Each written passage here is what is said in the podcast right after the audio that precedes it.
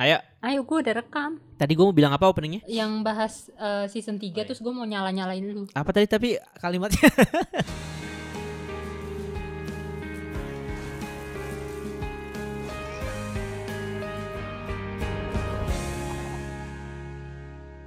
Ini beneran season 3 nggak ada Nat Serius banget. Lu. Kenapa gue Kenapa lo nyalain gue Gue tiba-tiba nyolot. Lu dengerin lagi tuh episode sebelumnya. Lu seyakin itu kalau bakal ada season 3 Membuat harapan para rakyat Yulje tuh meningkat tau gak? Padahal ya kan yang mendengarkan podcast kita juga nggak banyak-banyak abang Kenapa jadi gue yang Pokoknya salah? lu Gue lagi mau nyalain lu. Emang kan pelampiasan lo cuman gue kan. Lo gak bisa kan melampiaskan ini ke suami lo Makanya lo marah-marah ke gue kan. Iya kita kan persahabatan matahari terbit soalnya. Ah, Gak ada matahari terbit panas terus Jakarta Bekasi hari ini mataharinya siang bolong terus. Gak kuat gue. Tapi ini beneran kayak Ini momen yang Gue tuh gak siap harus nonton drama lain Dan gak ada lagi Yulje gitu Tuh kayak berat gitu rasanya hati gue tuh kayak Astagfirullahaladzim ya Allah aku gak sanggup ya Allah Akhirnya lo yang dingin kayak batu itu aja Ini ya Menitikan air mata ya di episode ini ya Enggak sih, sebenarnya enggak bener-bener nangis sih. Kalau gue lebih nangis karena kehilangan tontonan aja sih, bukan karena kayak oh ceritanya sedih atau apa. Enggak juga sih sebenarnya. Karena enggak ada juga sih yang terlalu-terlalu sedih. Menurut gue episode ini endingnya fun sih Iya, menurut iya. gue. Sedihnya itu lebih ke bawaan ya mood kehilangan itu sih Yap. Kayak waktu pas perpisahan penutup season 1 perasaan gak segininya banget ya gak sih? Karena kayaknya season 1 itu kita udah dapat kepastian nih bakal ada season 2. Jadi kayak oke, kita cuma tinggal menunggu setahun karena lagi pandemi setahun nggak bakal berasa gitu kan. Terus ya udah tiba-tiba wah season 2 aja gitu. Nah, mungkin yang sekarang karena memang eh, berita soal season 3-nya kan udah sempat beredar juga kan di di Twitter kan yang kayak mulai dari set yang udah dihancurin atau eh, ketidakpastian soal season 3 sampai akhirnya ketika hari episode terakhir tayang mereka confirm kan kalau season 3 nggak ada. Jadi mungkin itu kali ya yang bikin nusuk gitu. Belum benar-benar confirm gak ada sih Kayak ya ada pikiran cuman bukan sekarang lagi enggak gitu Oh, iya sih, iya sih. Jadi berarti bener dong gue kalau season 3 mungkin ada tapi nggak sekarang. Iya dong. Lu bilang pasti ada, pasti ya Iya maksudnya kayak ada tuh pasti ada tapi nggak sekarang gitu kan kayak bisa jadi tiga tahun lagi gitu kan. Bener Ya udah dong gue aminin deh Tapi bukan sekedar eh, karena berita itu sih Maksud gue kayak di season 1 itu Memang masih sangat banyak hal yang nggak kejawab gitu Yang ngegantung yang kayak Harusnya setelah ini tuh ada episode lain gitu. Kalau di sini tuh kayak nggak ada episode lain pun sebenarnya Secara logika nggak apa-apa gitu. Maksudnya masih bisa jadi open ending gitu. Kayak segala mereka dibuat natap inilah apa matahari terbenam bareng-bareng kayak mood perpisahannya tuh sengaja dikentalin banget gitu di season ini.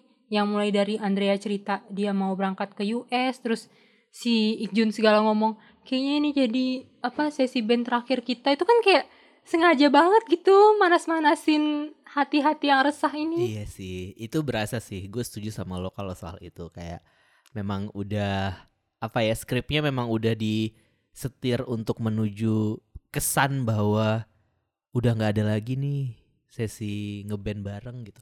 Walaupun kan sebenarnya Ikjun juga bilang kan kalau misalkan Andrea nggak ada, boleh nggak latihannya sama nyokap lo gitu kan. Jadi kayak sebenarnya ada ada harapan sih, tapi memang eh apa kayaknya lebih ke moodnya sih menurut gue karena kayaknya di momen ketika Andrea cerita dia mau ke Amrik itu ya gimana sih kayak gue sendiri nih misalnya kalau lagi sama temen-temen gue kalau misalnya eh, ada yang mau nikah aja gitu gue sebenarnya merasa pasti kehilangan Hmm. banget walaupun sebenarnya dia ya tetap tinggal di situ Hmm. juga kerjanya tetap di Jakarta juga gitu tapi ada ada perasaan yang beda gitu rasanya ketika lo mendengar kabar kalau temen lo mau pergi sementara nih kalau kalau nggak mau Hmm. nikah gitu kalau buat gue jadi momennya saat ini tuh kayak sedang ingin berkabung aja gitu rasanya jadi makanya Ikjun bilang kayaknya ini udah terakhir ya ke sana tuh kayak gitu kalau menurut gue sih Ya karena ini pas banget ditaruh di ending season 2 yang kayak masih absurd gitu kan. Maksud gue kayak andaikan eh, plot twist bahwa justru Andre yang pergi ke US itu ditaruh di tengah season juga kayak kita biasa aja gitu kan. Justru karena ini ditaruh di ending dan diselipin percakapan-percakapan kayak gitu jadi nge-trigger kita. iya iya, Iya sih maksud gue di sisi lain Ikjun itu kayak matahin semangat tapi di sisi lain Junwon yang kayak ngomong udah tenang aja setahun doang kok nggak bakal lama tahu-tahu ntar kita udah ngumpul lagi gitu kayak ini sebenarnya jadi mau lanjut apa enggak ini Iya gitu. sih, iya sih. Mereka kayak ya seperti seperti eh, keterangan soal season 3-nya masih belum tahu kapan itu sih. Jadinya Mm, mm, kayak mereka pun tidak memberikan kepastian sih ujung-ujungnya.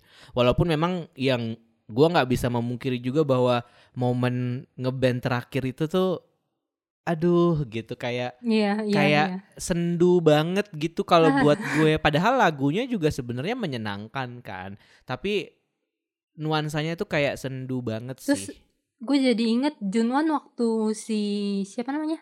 Jongwon bilang dia mau ngelamar Gyeoul inget nggak? Mm-mm. si Junwon kan langsung nyolek Jongwon kan langsung kayak aku boleh tinggal bareng kalian nggak? gitu dengan muka sedihnya. Terus pas dia ngabarin mau ke US sama Gyeoul juga dia nyolek Junwon eh Junwon nyolek Gyeoul eh. Maaf kalau udah malam gue kayak gini.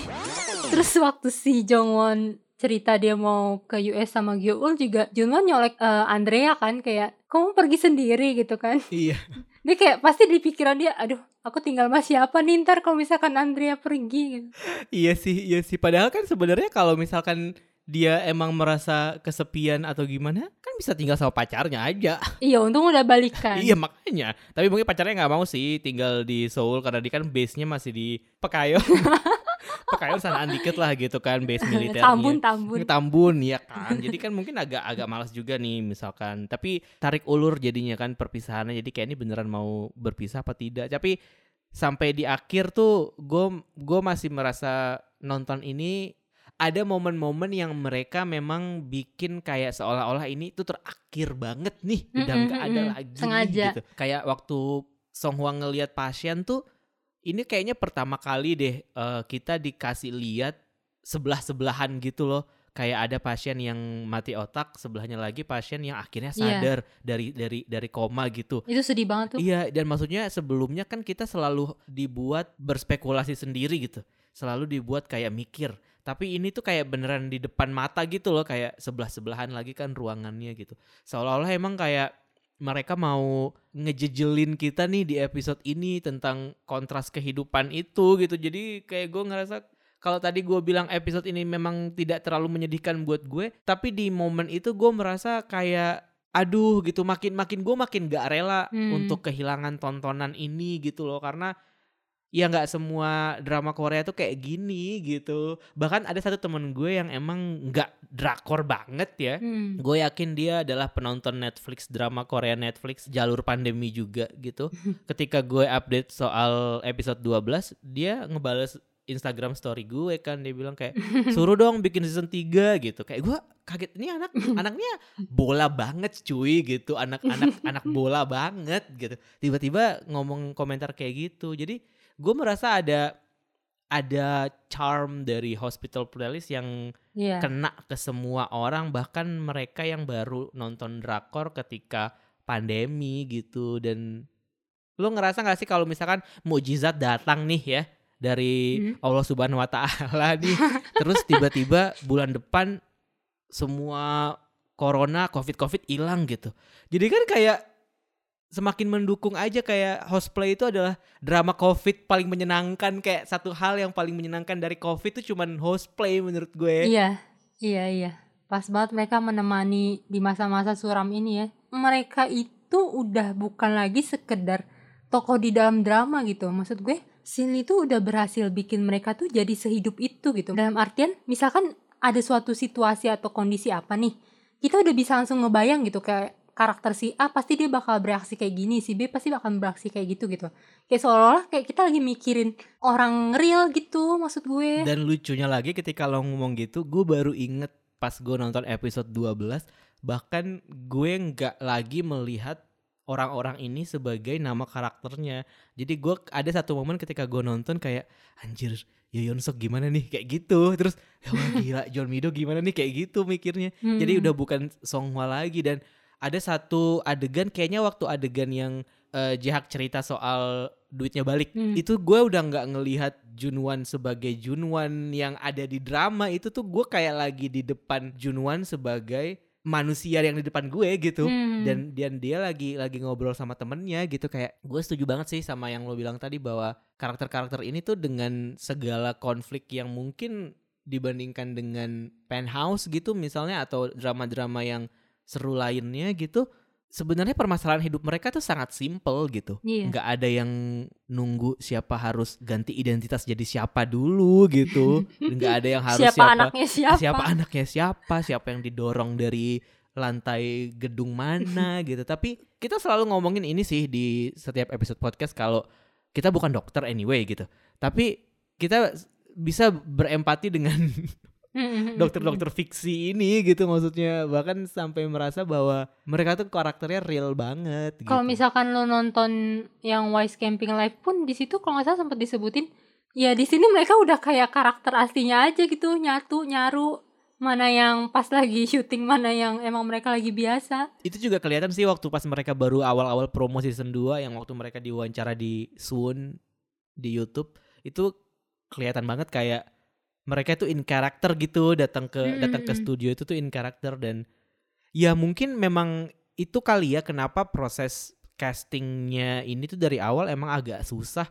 Gue inget waktu nonton juga yang kan setelah season 1 selesai kan mereka bikin tuh dokumenter di YouTube kan yang proses casting segala macem Nah, pas waktu Jo Jong Suk merekomendasikan John Mido kan Hmm. PD-nya kan cerita kayak ini karakter yang mainin emang harus aktris yang bagus banget nih soalnya karakternya agak susah gitu akhirnya Jo Jong Suk kan Hmm. yakin kayak kayak gue tahu deh siapa yang cocok dan dia rekomendasiin John Mido gitu jadi mungkin itu juga kali ya pertimbangan kenapa orang-orang ini akhirnya yang dipilih gue nggak bisa membayangkan sih drama ini dibuat sebagai sebuah produk komersil gitu yang misalnya isinya kayak Lee Min Ho, Kim Soo Hyun, terus Pak Bogum gitu misalnya. Atau artis-artis yang emang udah sering kita lihat lah gitu. Yang udah punya nama sendiri gitu.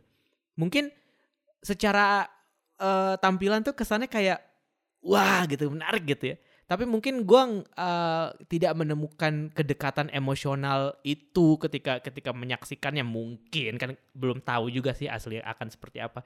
Tapi dengan dia masang John Mido yang kita bahkan nggak tahu sebelumnya siapa gitu Hmm.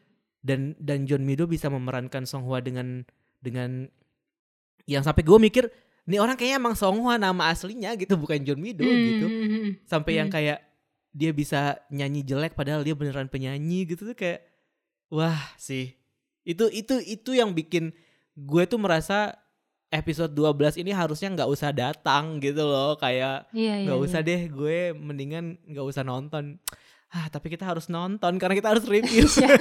Daripada kita ditagihin mulu ya di DM ya. Tapi gue ngerti sih maksud lo kayak gue sebagai penikmat drama sejati nih, gue kayak entah kenapa males banget gitu kalau ngikutin apa ya kayak berita-berita atau gosip-gosip si artis itu di luar drama dia. Kayak gue tuh takut gitu apa pun yang yang gue tahu di luar drama-drama mereka ini akan mempengaruhi mood gue saat nonton dia di drama gitu. Jadi kayak Mhm. gue mending ya menganggap dia kanvas kosong gitu. Dia bisa jadi apa aja gitu nggak peduli. Entah dia duda lah entah dia kesandung selingkuh lah atau apa gitu.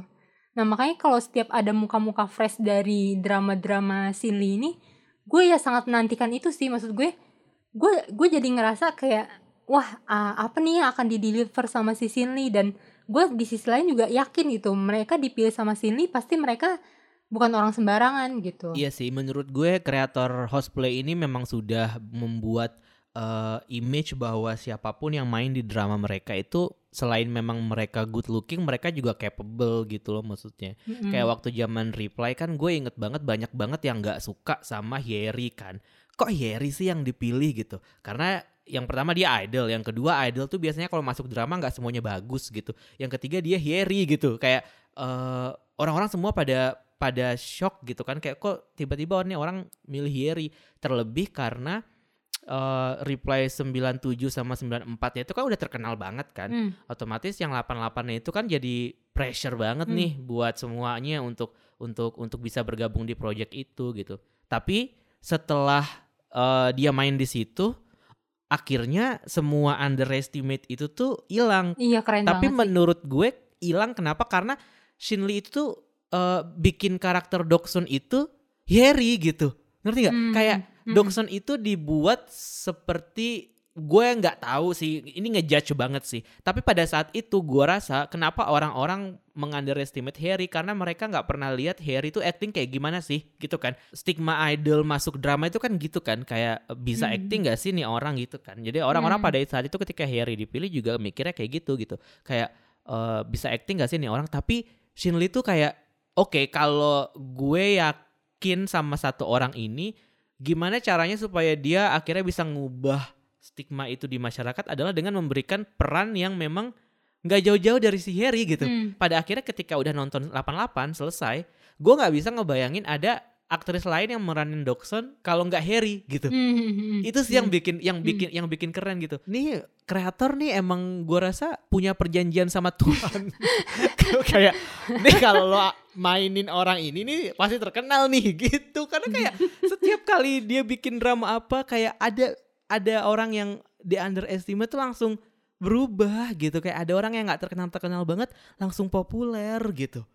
Keren banget sih. kayak artis dan aktor yang dipilih sama dia itu bisa dibilang beruntung banget gak sih? Mm-mm. Kayak pasti kayak ngebus karir banget gak sih? Iya, dan itu bukan cuman karena eh, bukan cuman karena emang mereka adalah Shin Lee gitu, maksud gue. Tapi karena memang pertimbangan-pertimbangan yang membuat mereka digayat itu tuh juga masuk akal gitu. Maksudnya mereka ngambil risiko gitu buat buat ngecasting John Mido sebagai Song Hwa. Hmm. Sementara banyak loh aktris Korea Selatan yang lebih terkenal dari Song Hwa dari John Mido misalkan yang bisa bikin value drama ini jadi naik nih. At least di poster Iya, tuh iya. orang bisa lihat kayak wah yang ini nih yang main. Jadi nggak bertanya-tanya dulu gitu. Ya nggak sih? Iya maksud gue artis yang terkenal dan mungkin yang aktingnya bagus banyak berlimpah gitu. Cuman yang paling pas sama karakter yang lagi mau dia ciptakan itu gitu yang benar-benar dia eh, pilih kan untuk dramanya. Jadi makanya kita ngerasa begitu ada karakter yang muncul di dramanya seolah-olah karakter itu memang didesain untuk si artis atau aktor itu Iya gitu. betul betul. Tapi memang bisa jadi sih ada ada perubahan-perubahan karakterisasi di tengah jalan yang kita kan nggak Mm-mm. tahu uh, proses behind the scene-nya. Cuman uh, ketika mereka menciptakan kayak oh gue pengen bikin pegawai TV pakai hijab gitu namanya Nadia gitu misalnya. Jadi kan mereka udah tahu nih uh, dia dia mau nyari uh, aktris yang seperti apa gitu.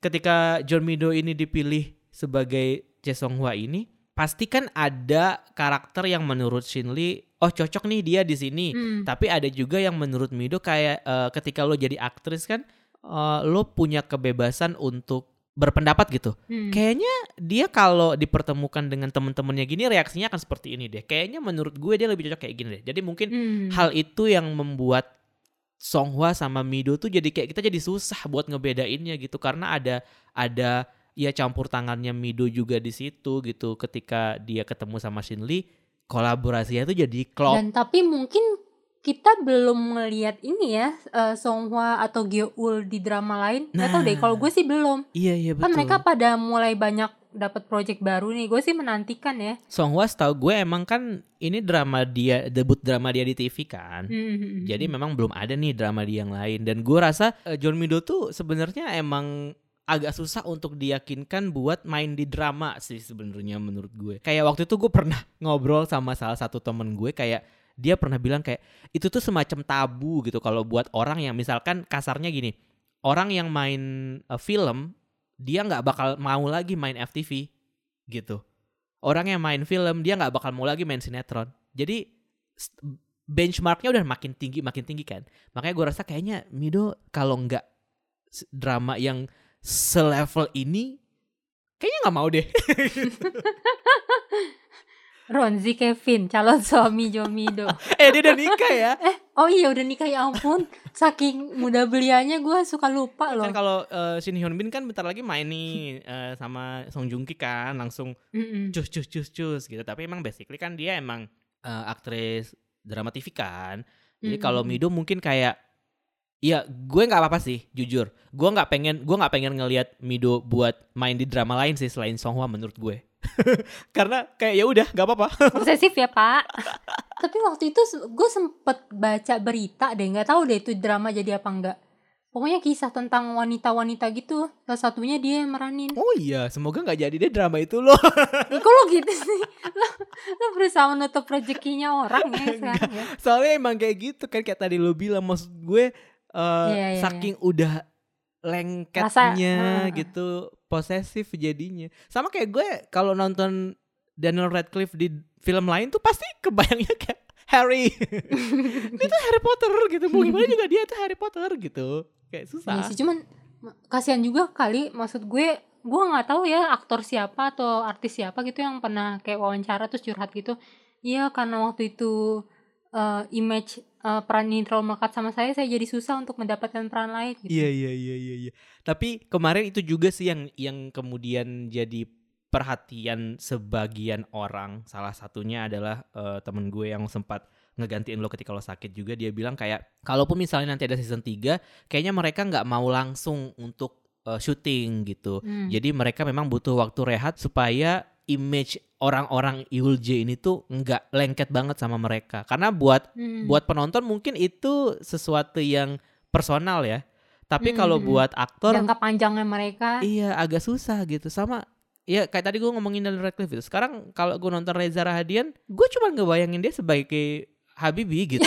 iya iya kan pas lu pertama ngomong Reza Radian di otak lu langsung Habibie Iya kan? Dan itu susah Iya. banget buat ngelepas image itu. Sebagai penonton kita mungkin nggak apa-apa, tapi semag dia dari sudut pandang aktor kayak udah dong gitu. Tapi kalau misalkan Reza sebagai Pak Habibie mungkin nggak masalah ya Pak Habibie gitu maksud gue kan. Tapi Hmm. gimana dengan kayak aktor-aktor atau aktris-aktris yang identik dengan misalkan pembunuh bayaran gitu misalnya. Hmm. kan gak mau juga nih setiap gue kan sekarang pengennya emosional Eh, gitu. Gue jadi keingetan ini satu variety show baru kalau nggak salah variety show-nya TVN apa apa gitu.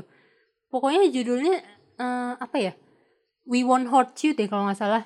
Jadi itu yang meranin itu eh, aktor-aktor yang terkenal sebagai penjahat di drama-drama Oh, Korea iya. gitu. Iya, jadi kayak mereka yang ngejadi guest house buat ngundang-ngundang artis lain yang mereka mau terima kasih itu kayaknya lucu deh. Ah, iya iya iya. Salah satunya ada si bapak-bapak penthouse yang jahat banget itu. Siapa namanya gue lupa lagi bapak-bapak penthouse Gue juga lupa, pokoknya yang istrinya banyak lah. Istrinya banyak. anyway, kita sudah ngomong jauh banget dari Hospital Playlist.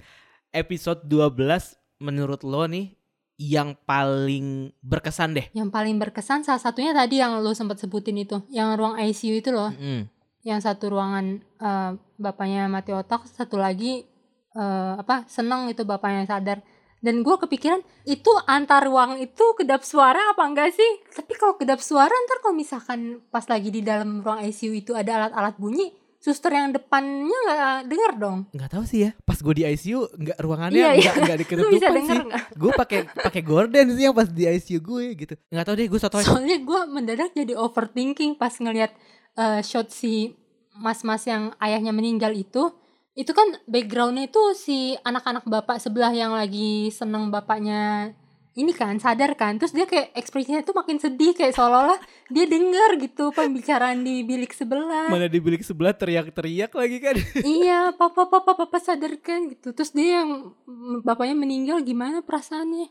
Aduh figuran aja gue overthinkingin Terus penyelesaian Sokyong sama ibunya gimana menurut lo? Ternyata dia berbohong soal Amerika itu eh, untuk membuat skenario bahwa Mina lah yang melarang dia buat pergi. Nah itu itu gimana menurut lo? Nah iya ternyata udah kan cuman begitu doang kan kita udah Iya. ribut-ribut soal US ternyata bahkan Minanya sendiri nggak tahu apa-apa apa yang Iya. dilakukan Sokyong kan. iya, itu makanya. Tapi lu juga pernah bilang kan waktu itu soal ibunya Sokyong yang kemudian menghargai Mina karena Mina yang bisa mengubah Sokyong atau apa gitu. Kayak lu pernah bilang deh Harus waktu stay. itu. Karena menurut gue si Sokyong sama Andrea ini kisahnya kayak sengaja dibuat Mirroring- bersinggungan iya, iya, mirip-mirip heeh. Iya, iya, iya. mulai dari emak mereka saling kenal kan terus pacar mereka juga sahabatan terus kayak eh, contohnya si yang tadinya mau ke US Sokyong malah tahu-tahu jadi Andrea gitu Mhm, terus mhm. juga pas banget di season 1 kan terakhir yang bisa dapat scene ciuman si Andrea kan Iya, iya. terus di season 2 nya yang dapat si Sokyong Iya kayak wah dua orang ini Tapi lo kepikiran gak sih kenapa akhirnya Gyeol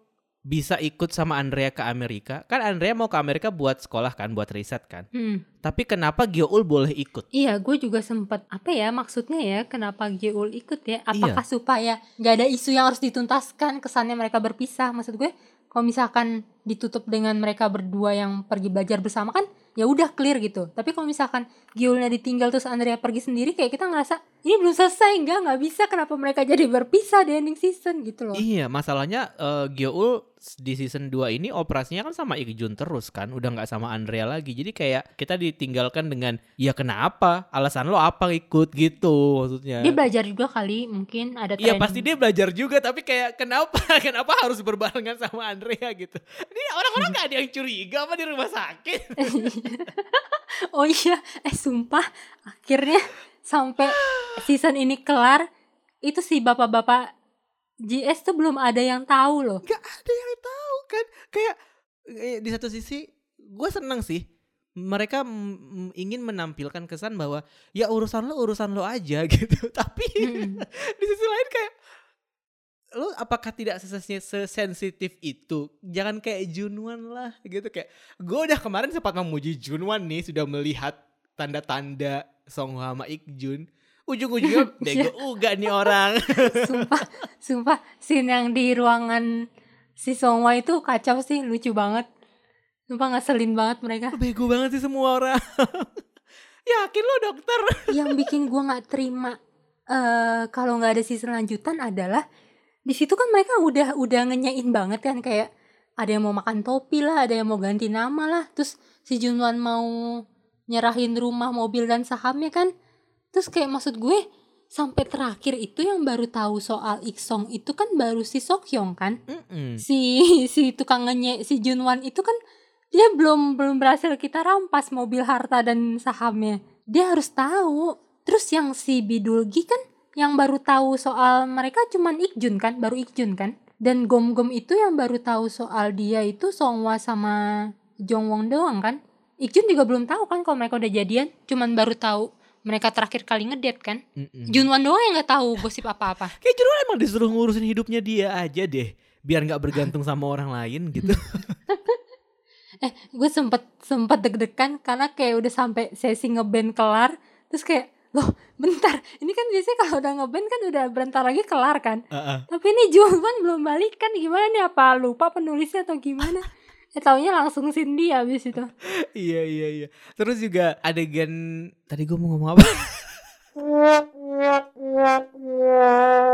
Terus juga yang waktu adegan pas Songhwa sama Ikjun ngedate. Yang tiba-tiba eh, Iksun nelpon terus suruh ke sini aja gitu. Terus kayak gue maksudnya gue kadang-kadang bingung nih maksudnya eh Songhwa sama Ikjun berusaha untuk terlihat berusaha untuk melakukan hal-hal yang yang biasanya dilakukan oleh pasangan Hmm. tapi ada satu titik di tengah-tengah usaha mereka tuh mereka lupa kalau mereka itu pacaran gitu jadinya Hmm. yang yang mereka ingat mereka cuma temenan aja akhirnya si Iksun diundang ke situ terus tiba-tiba Junwan nelpon Junwan juga datang terus ekspresinya eh, Iksun sama Ikjun waktu Songhwa ngangkat telepon Junwan pas oh lo mau ke sini ya udah. Terus zing gitu. Itu kocak sih. Gue kayak itu gue gue pengen teriak sih pas itu. Kayak anjir ini lucu banget. Maksudnya kalau di dunia nyata itu terjadi tuh kayak lu kebayangkan gimana awkwardnya Hmm, gitu hmm, kan. hmm. kita sebagai orang ketiga yang tidak berurusan sama apa pun tuh kayak anjir bego banget deh nih orang-orang itu maksudnya kenapa Song Hwa juga harus mengizinkan Junwan buat datang dalam konteks mereka lagi ngedate gitu loh maksud gue. loh lu nggak dengar kata eh, Songwa apa? Junwon bilang dia belum makan seharian dia tega. Sahabat lo Eh, tiba-tiba mati sahabat rak- keracunan lagi. sebagai sahabat rakus sih ya jadi kayak Iya, ya udah sahabat rakus. datang Ya malah jadi double date kan? Iya iya ujung-ujungnya sih double date sih walaupun juga Song Hwa nggak tahu apa yang terjadi sama Iksun sama Junwon tapi ya jadi double date sih ujung-ujungnya sih Iya, ya seru dan- juga sih cita-cita Junwon buat karaokean di hari weekend tercapai kan? Dia kan awalnya kan kekeh banget ayo dong karaokean. Enggak gue jalan sama Geul. Terus lu Sokyong gue juga. Apa lu ketemu sama Geul juga? Terus akhirnya Iksun pas eh, sama mau nyanyi kayak wah suara dia bagus kan? Iya, eh akhirnya ya, akhirnya Songwa diberi kesempatan untuk nyanyi dengan bagus iya, melalui iya, point of view-nya Ikjun. iya iya itu gue suka banget sih adegan Iya, itu. iya. gue suka banget beneran kayak pas pas dia apa pas dia nyanyi terus tiba-tiba suaranya jadi bagus kayak aduh Mm, mm, mm, gue suka banget. Dan itu dari point of view-nya Ikjun kayak ih gitu kayak gemes Pasti banget harus ada sih season selanjutnya, entah pun saat kita udah tua pun nggak apa-apa. Tapi emang kalau menurut gue eh ini adalah tipe drama Korea yang langgeng gitu loh, yang kayak lo nggak perlu terlalu mikirin eh Kelanjutannya kemarin ada apa gitu. iya kemarin ada apa terus bagaimana cerita ini akan dibawa dengan konflik yang segala macam karena dua season ini aja tuh sudah cukup menjelaskan bahwa ini adalah tentang kehidupan sehari-hari dokter gitu. Yang mana juga adalah manusia juga gitu kan. Dan konflik-konfliknya sebenarnya konflik-konflik yang walaupun kita bukan dokter kita pun juga bisa bisa merasakan itu gitu. Kayak maksud gue gue juga bisa relate bagaimana bucinnya Ikjun ke Songhwa suara dia jelek pun akan jadi bagus di telinga gue gitu. Karena Mm. kayak eh, ya gue pun juga mengalami itu ketika teman-teman gue bilang kayak orang ini tuh nggak bagus gitu nggak eh, dia tuh dia tuh jelek buruk gitu tapi kayak enggak kok buat gue dia kayak gitu kan kita kan Mm. pasti mengalami itu kan dan eh, hal-hal itu yang dari hospital place yang menurut gue mengubur sisi sophisticated dunia kedokteran itu loh bahwa eh, ya ini memang drama tentang dokter tapi ceritanya tuh memang nggak melulu soal mental stupor atau eh, bleeding suction atau apalah istilah-istilah yang sebenarnya gue juga nggak peduli juga. Kalaupun nggak dikasih teks juga nggak masalah gitu.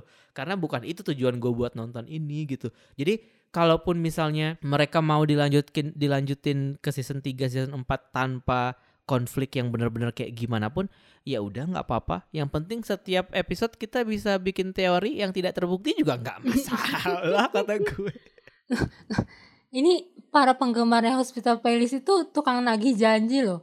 Ini yang rahasia Junwan di Hawaii yang belum kejawab dari season 1 aja sampai sekarang masih Ya, dipertanyakan kan. makanya itu berarti tandanya season 3 sudah harus ada. Tapi ada juga orang-orang yang ternyata eh, nggak apa-apa sih ya kalau season 3 nggak ada kan. Kemarin kita sempat posting di Instagram dan mendengar pendapat masyarakat ada juga deh mereka yang bilang kayaknya dua season cukup gitu. Iya ada satu dari eh, 50 Ya paling nggak itu mewakili Iya kali. iya mewakili sampel. Mewakili Eh cuman gue gue ini deh bingung deh kalau nggak salah terakhir kabarnya season eh season episode terakhir ini 2 jam 40 menit. Tahu-tahu cuma 2 jaman. 40 menitnya ke mana? apa yang dikat, apa yang Oh dihilangkan? iya juga ya. Apa ada konspirasi apa? gak tahu. Oh mungkin mungkin disimpan kali buat season 3 tetap ngarep. Iya mungkin tadinya si bosnya si Shirley eh, tukang produksi yang bayar mewah kayak ya udah ya nggak apa-apa sampai season 2 aja gitu kan. Terus tiba-tiba dia berubah pikiran gara-gara banyak tawaran apa iklan Oreo yang masuk ya. Bahkan Shirley sampai akhir. banget. sampai akhir loh masih ada iklan Oreo dan Andrea malakin Oreo. iya. Terus adegan eh, tapi di episode terakhir iklan hand sanitizer-nya udah ngadep belakang. udah nggak diiklanin lagi jadi ngadep belakang. Sekarang udah nggak udah nggak di shot lagi di depannya. Bayaran udah habis ya. udah habis jatahnya udah habis gitu. Untungnya udah nggak makan McD lagi sih ya. Gue mulai khawatir dengan kesehatan orang-orang ini. Kayak ironi banget tapi emang kayak mereka seneng banget ketika bilang makanan hari ini apa? Ini makanan sevel biasa gitu. Kayak asik gitu. Kayak seneng banget gitu. Padahal kan junk food maksud gue iya iya pencitraan. kasihan dengan kesehatannya sekalinya makan mewah aja beh ramen iya. Eh, tapi gue selalu ngiler loh pokoknya tiap mereka lagi makan mie itu. Dan gue nggak kebayang gue butuh banget scene kalau misalkan kemarin gue mi- bilang si Mina itu pawangnya orang introvert, Ikjun ini kan pawangnya dua rokus kan. Kalau misalkan si Songwa udah jadi keluarga dia, terus si siapa si Junwan jadi keluarga dia, terus kayak tiap acara keluarga mesti banget ada ini. Dia ngitung sampai 10 iya juga ya. Clash juga dong. Iya, dan apakah si dua calon mantu keluarganya Ikjun ini akan behave di depan kamar mereka? Wah, bisa-bisa acara pernikahan nggak jadi sih. Mereka makan sih bukannya di pelaminan duduknya malah kayak gue kayak gue kan kalau nikah kata gue kan gue nggak mau di pelaminan, di pelaminan kan gue pengennya ngejaga stand es krim. Janjian Junuan sama nggak juga. boleh habis ya iya. Nggak boleh habis cuman gue yang boleh makan gitu. Aduh cuman kita nggak bisa melihat adegan pernikahan siapa pun sayangnya. Iya parah sih. Kasihan ininya eh, apa shipper Winter Garden garis keras. Iya. ngelamar pun nggak ada loh tahu-tahu dibawa ke US aja. Iya makanya. Aduh Kayaknya Andrea bakal nikah di usia 50 kata gue sih. Atau jangan-jangan sebenarnya mereka udah nikah diem-diem makanya dibawa ke US Nikah siri maksud lo. Nikah secara agama. Eh nikah malah Jongsu Tapi Jongsu Rosa menurut gue bakal nikah sih Karena se seclueless itu kan si orang-orang ini kan Kayak Andrea kan selalu bilang kayak Eh mereka tuh cuma temenan gitu kan Kayak Enggak, lo buta emang, lo emang bego Andrea. Junwei juga lo emang bego gitu. Kayak orang Ikjun sama Song Hwa ya jadi kok gitu kan. iya mereka langsung lihat-lihat kan Hah, temenan nggak mungkin kita aja kayak gitu. Karena dan itu jadi dan itu jadi make sense karena eh, itu adalah klimaks dari eh, mirroring setiap adegan yang ditampilkan di episode-episode sebelumnya kayak Rosa Jongsu, Song Hwa Ikjun tuh kan selalu dideket-deketin kan seperti pembahasan kita sebelumnya. Mm-mm. Dan ya itu sebenarnya endingnya tuh kayak gitu, tapi emang nggak ditampilin aja. Karena Jongsu loh mengorbankan kehidupan dia dengan cucu-cucunya Mm. buat Rosa gitu. Mm. Terus kayak iya temenan sih iya sih, bener sih iya, tapi kayak hmm, masa sih gitu? Gue tuh skeptis banget jadinya kayak masa sih Iya. cuma temenan doang. Sebesar itu pengorbanan Jongsu maksud gue buat Rosa tuh. Jadi kayak nggak bahagialah mereka kakek-kakek nenek-nenek ini menikah aja lah gitu. kakek nenek juga butuh ini dong cinta dan kasih sayang Iya makanya. Lagi pula kalau lo keba kan yang kasihan tuh sebenarnya Rosa kan. Karena Jongsu kan bilang kayak eh, selalu ceritain soal anaknya terus cucu-cucunya gitu kan. Terus gue pikir anjir Rosa sampai sekarang nggak ada pernah cucu dong dia udah sampai tua gitu dia nggak punya cucu gitu. Kayak pantesan dia marah banget Andrea mau jadi pastor gitu kan. Maksudnya kayak sometimes life seems so lonely gitu loh buat sebagian orang. Dan mungkin Rosa merasa kalau misalkan harapan terakhirnya ini juga bakal mengikuti anak-anak dia yang lain dia udah nggak punya harapan lagi gitu buat bisa menimang cucu gitu sih. Kayak di, di titik itu gue baru sadar bahwa eh keputusan gue buat mendukung Andrea jadi pastor itu salah. Apalagi lu yang mendoakan dia mati. Gue kasihan mendoakan Rosa. dia mati gue berteori ya lo berteori ya. Lo jangan meng- mengelak ya lo kita nggak tahu aja kan sebenarnya dalam hati Rosa sama ini dia iri dengki sama Jongsu aku akan mendapatkan rumah sakit itu setelah aku menikahimu. Akan kuberikan untuk anakku. Akan kuberikan untuk anakku supaya dia tidak nebeng lagi tinggal sama anak orang lain. Tapi Jongsu selalu ngikutin apa kata Rosa kan? Kayak Rosa bilang ya udahlah kasih aja daripada gak ketemu sama anak cucumu gitu. Terus bener kan langsung episode selanjutnya dia kayak akhirnya ya nurut juga gitu apa saran si Rosa. Iya. Belum lagi sekarang dia mau pindah kan ke rumah Rosa kan setelah resign ini. Iya. Kayak udah udahlah udah makin lekat aja kayak perangko iya makanya. Aduh udah sih itu menurut gue emang ya itulah yang disebut dengan cinta datang di saat yang tepat gitu loh. Kayak ya coba Jongsu duit ada cucu banyak anak ada tapi nggak ada yang perhatian gitu. Iya iya. kalau lo pikir soal duit kayak Iya orang bilang duit bukan segalanya buat Jongsu mungkin itu sih kalau buat gue duit segalanya sih. Makanya ketika ketika Jehak duitnya kembali gue seneng banget. Iya. alhamdulillah ya Allah. Ini rumah sakit pasti kemoterapinya mahal ya kan? Akhirnya Iya, duit iya. balik gitu. Gue seneng banget sih. Tapi kalau Jongsu kan ya buat dia duit bukan segalanya karena bukan itu lagi yang dia cari gitu. Dan ketika dia menem- menemukan Rosa jadi dia kayak ya udah dia merasa eh, kenyamanan dia di situ dia makanya dia dengerin semua sarannya Rosa dia ngikutin banget sama maunya Rosa karena ya udah nggak ada lagi yang dia cari kan. Itu kan udah kelihatan banget sih Iya. sebenarnya. Itu mereka ke jalan-jalan ke mana sih emang? Gue nggak tahu deh tempatnya. Kok kayaknya spesial banget. tempat ziarah deh. Gue kan tempat ziarah gak sih? Kan Andrea ngomong kan kayak apa? Bukan gereja. Iya katedral gitu kan.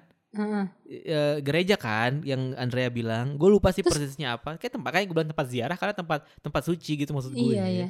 Terus, tapi bukan tempat buat nikah kan? Iya kalau misalkan mereka mau ini kan juga nggak apa-apa. mereka bisa nikah di, mana aja juga cuy. nikah, iya. Kenapa lu pikirin bang? Iya, iya, iya. Ya udah gue pikirin Jehak.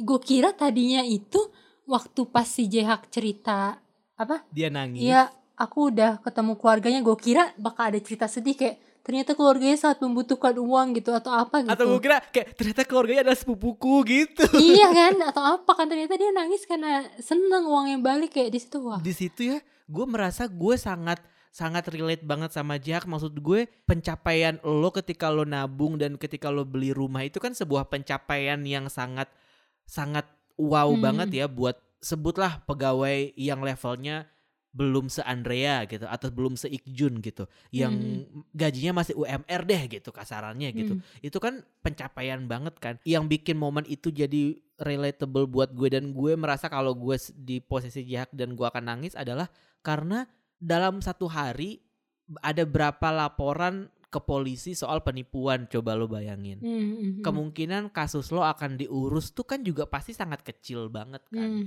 dan ketika itu akhirnya ketemu tuh kayak lu kayak menang lotre sih menurut gue. Karena yang pertama wah ternyata polisi masih ngurusin kasus gue gitu yang pertama. Hmm, yang kedua kesabaran lo tuh berbuah menyenangkan gitu. Hmm. yang ketiga kayak ketika lo lagi mikirin gimana caranya lo bayar cicilan rumah sakit nih misalnya nah, terus eh, dan lo akan membesarkan anak dan istri lo lagi ba- ba- lagi mau penyembuhan kanker itu kan sebuah mujizat Mm-mm. banget kan kayak dapet Mm-mm. jur- durian runtuh banget kan jadi ekspresi dia nangis tuh menurut gue sangat-sangat wajar banget sih instead of dia kayak gue teriak misalkan bahagia tapi nangis tuh udah kayak iya udah gitu manusia banget sih menurut gue Iya, dia kayak mikir langsung oh ini ternyata rencana Tuhan untuk aku gitu. Iya iya iya. Kalau dia punya Tuhan sih pasti pasti bakal gitu sih Iya mikirnya. benar-benar tuh Rono jangan menangisi kesialan lo siapa tahu nanti akan kembali lebih manis Iya makanya gue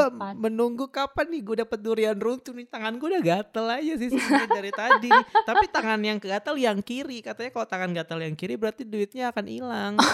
Tapi emang duit gue barusan udah gue pakai buat beli Genshin sih jadi duit gue udah hilang. hilangnya karena Genshin ya emang lu ya dasar Iya makanya kayak aduh pantesan tangan gue gatel yang sebelah kiri telapak tangan gue. Ternyata emang duitnya udah dipakai buat beli game unfaedah banget emang hidup saya. yang penting lo bahagia Ron.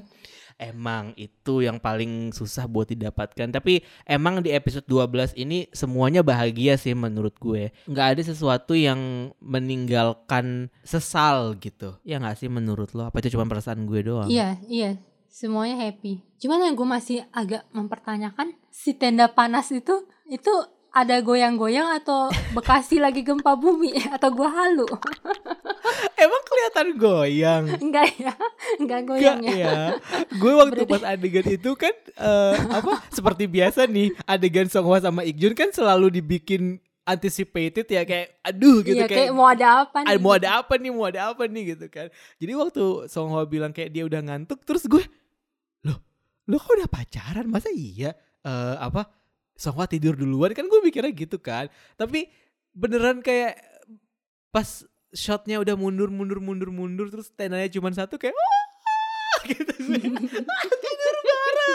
Eh, tapi jujur gue tadi mikir kebalik gue kira bakal ada apa-apa ternyata dia kayaknya emang beneran ngantuk deh terus Ikjun tuh kayak kayak senyum-senyum kesel pasrah tapi tetap seneng gitu. Iya iya maksudnya ya kayak ini kan bukan nevertheless juga gitu yang kayak oh kamu ngantuk ayo kita tidur di ranjang kan nggak gitu juga. Tapi eh, maksudnya momen Songhwa bilang dia ngantuk itu tuh dia kayak kayak pasutri gitu ya. Iya kayak ya, aduh satu tenda mama tidur duluan ya pak gitu. Satu tenda cuy. Gimana dong gitu kan? Aduh bahkan Gioul Hmm. sama Andrea aja belum sampai ke adegan tidur bareng gitu maksud gue. Tapi Ikjun sama Songhwa yang baru jadian satu episode itu udah langsung gitu. Berarti bener kan perasaan gue kan? Yang waktu pas episode mereka camping sama Uju itu kan gue sempat ngomenin tenda kan? Kayak kan ada sesuatu dengan tenda. Tenda-tenda salah masuk gitu Ikjun tenda salah masuk aduh untungnya Uju lebih memilih camping bersama pacarnya ya. Jadi bapaknya sama calon ibu tirinya bisa menikmati waktu berdua. Mm-mm. gitu. Apa pun yang terjadi di dalam sana, entah tiduran beneran atau enggak, ya pokoknya gitulah. Ya mereka sudah dewasa ya. Tapi kalau melihat dari apa yang terjadi di mobil sih bisa jadi. Ingat kan siapa yang nyosor duluan.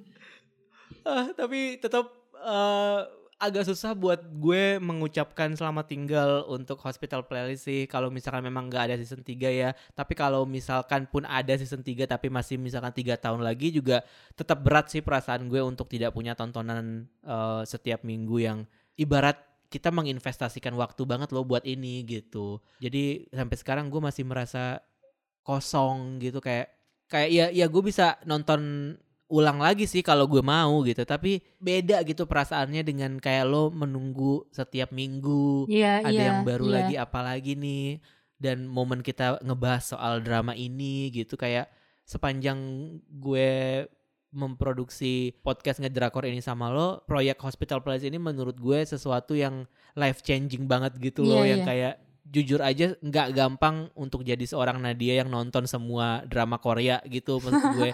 Yang nonton semua judul tuh nggak gampang buat orang yang harus ngejuggling waktu buat ini itu ini itu gitu. Tapi Hospital Playlist ini kayak sesuai temanya gitu ya kayak momen healing buat gue juga yang jadi kayak gue Hmm. nggak harus ribet nonton drama Korea lain juga tapi gue bisa menikmati nonton drama ini juga. Terus ketika gue bahas sama lo pun kayak I feel joy gitu me- Hmm, hmm, hmm, membahas ini. dan itu sih yang pada akhirnya membuat gue ya udah nggak ada lagi gitu.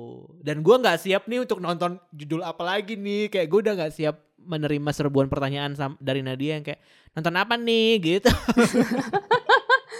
Tapi emang waktu pertama kali kita mutusin untuk bikin spesial per episode cosplay kan kita awalnya sempat ragu kan. Kayak kita kan awalnya bentuknya ya gitu kan. Kayak ya pokoknya setiap yang lagi ada drama baru kita review gitu kan.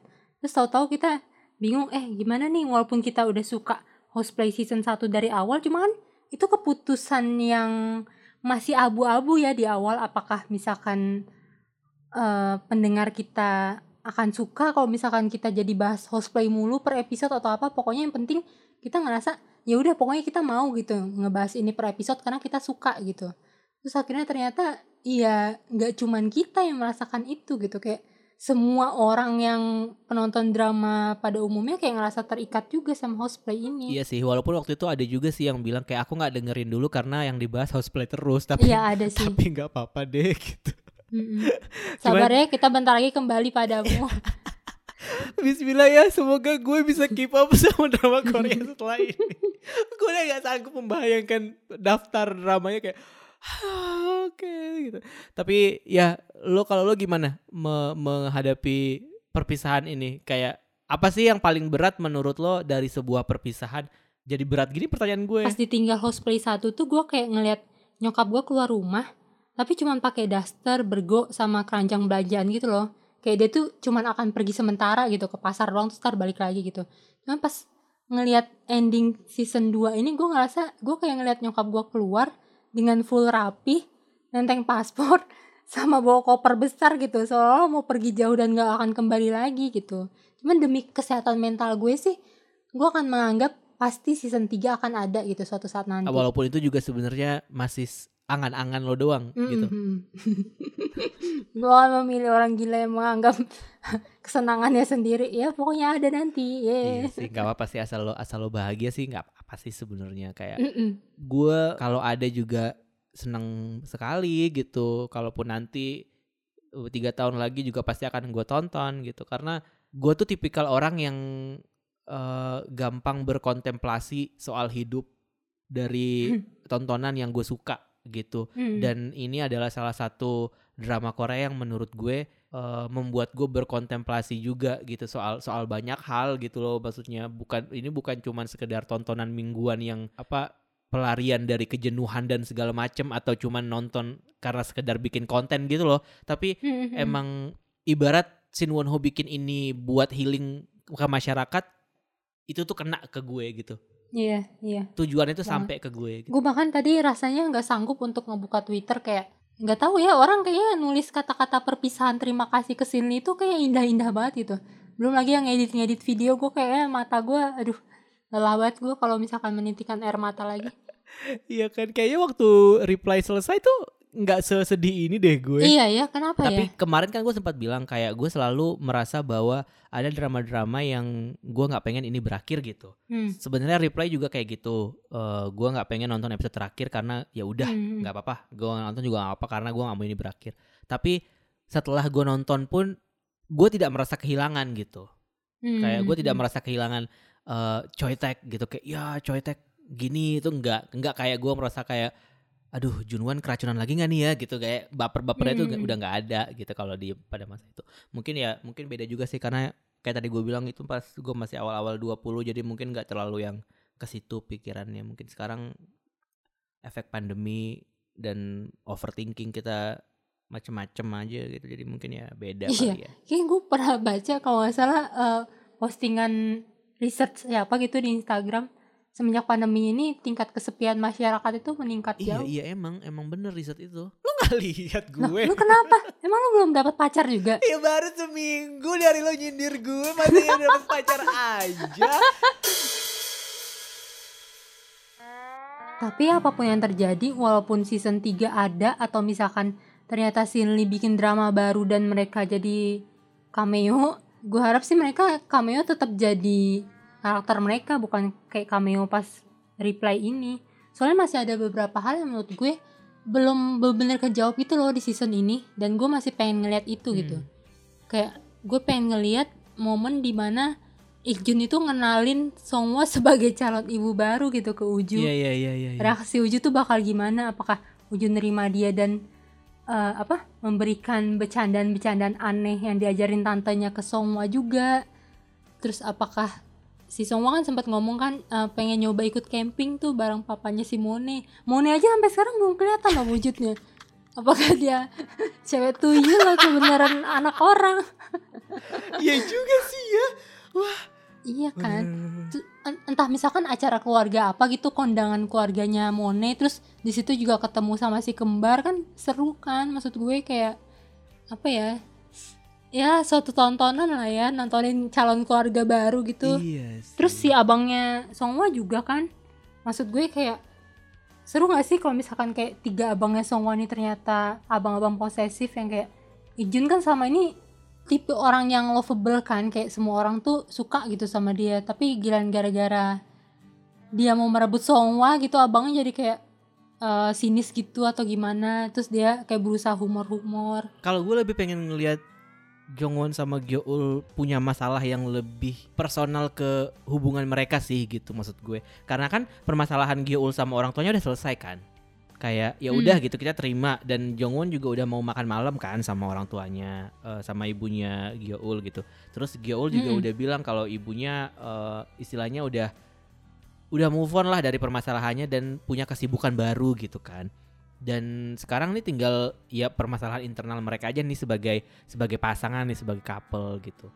Tapi sampai sekarang gue nggak nggak kebayang sih apa ya permasalahan yang bisa menggoyahkan hubungan mereka karena kan nggak mungkin dong kalau mereka pacaran tuh manis-manisnya doang ya kan. Nanti mereka di Iya, iya, Amerika iya. nih udah kendala bahasa, budaya, yang gitu-gitu kan pasti ada permasalahan kan, ada singgungan-singgungan yang pastinya akan akan menimbulkan clash gitu loh di di hubungan mereka. Itu sih yang sebenarnya yang gue pengen yang pengen gue lihat gitu. Apakah pada akhirnya eh, salah satu di antara mereka sebenarnya ternyata nggak pengen punya anak kah? Sementara Jongwon lebih pengen punya anak tapi Gyeol merasa kayak dia nggak pengen. Hmm, Itu kan permasalahan-permasalahan yang permasalahan permasalahan masa kini gitu loh yang yang yang mungkin bisa muncul. Itu sih yang pengen gue lihat sama hmm, apa lagi ya kalau gue gue terbuka dengan konsep spin-off yang masyarakat lempar di Twitter sih.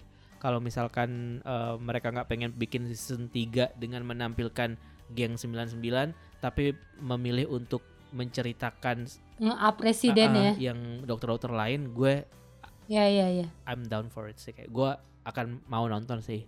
Terutama kalau Ya, pemeran nggak utamanya apa-apa si kok. Kembar dan Sokyong dan Mas-mas cemas dan segalanya kayak iya fresh iya iya face semua kan jadinya. Iya benar. Apalagi si kembar akhirnya ini ya eh, terlepas dari trauma kuis dadakannya Iya. malah diantar pulang sama Iya papa makanya kayak itu sih gue ya mungkin itu yang bisa Iya, kita benar. tunggu di season 3 kalau ada. terus gue juga pengen sekali-kali si Mido Falasol itu perform di luar kenapa jangan di apa rumahnya Sokyong mulu Mungkin nggak boleh kali kalau misalkan eh, ini ada bentrok sama sumpah dokter kali nggak boleh. masa ya nggak tahu kan mungkin kata gue juga. Cuman gue suka sih bagaimana mereka eh, mengakhiri episode ini dengan ngobrol soal ngeband itu. Mereka ngeband kan sebenarnya atas permintaan Sokyong kan karena mereka s- apa karena dia emang kangen gitu dengan rutinitas itu dan kemudian kita dibalikin lagi ke permasalahan utama yang kayak wah kita udah nggak bisa Iya, ngeband iya. lagi. atau mungkin kayak feeling gue ini deh ngebandnya nanti di rumahnya Iksong. Ih, gue soalnya kepikiran gara-gara eh, ucapannya si siapa namanya? Iksun. Iksun kan bilang dia habis eh, mau ke acara housewarming partinya temennya kan. Temennya itu kan eh, temenan mereka cuman dicomblangin sama si Iksun gitu. Itu kan kesannya kayak si Ikjun sama Songhwa gak sih? Kayak mereka temenan terus ngundang temennya lain buat eh, housewarming. Tapi kan Ikjun tinggal di apartemen, nah nggak boleh tahu ngeband di apartemen Eh berisik. makanya Songhwa yang anak alam nih ngerasa aku nggak mau tinggal di apartemen ayo kita beli rumah Oh kirain beli tenda, tinggal di tenda aja.